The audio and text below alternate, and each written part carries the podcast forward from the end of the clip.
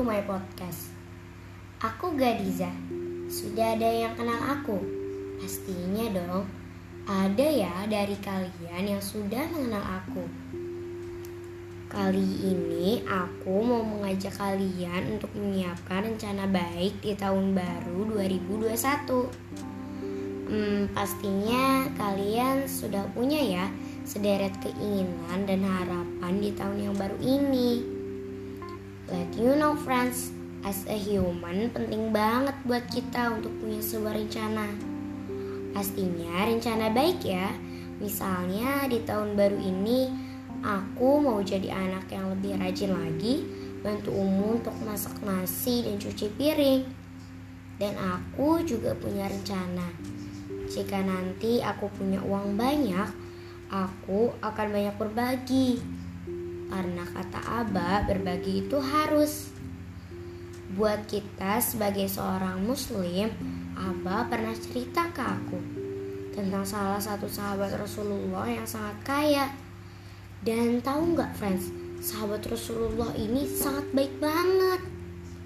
Sangat dermawan, empatinya tinggi banget deh.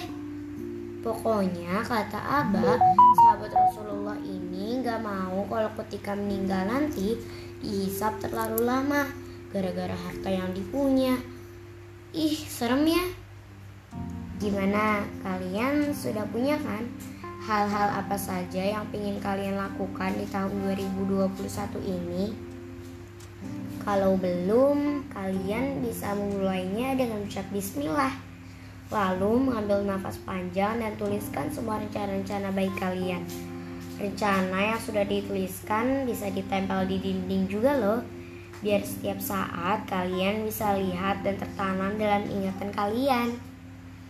Dan kalian harus bisa memastikan semua hal-hal tentang keinginan baik kalian dijalankan ya. Apalagi kan kita memang tidak tahu bagaimana kita ke depannya nanti. Yang pasti kita harus terus beradaptasi untuk bergerak menjadi lebih baik lagi. Keep fighting ya friends, terus semangat menghadapi apa pun dan menjadi yang lebih baik lagi. Oh iya, dan yang paling penting kita harus menjadi kebanggaan orang tua kita ya. Jangan sampai kita mengecewakan mereka ya friends. Karena kan orang tua kita yang sudah memberikan banyak untuk kita. Masa kita mengecewakan mereka?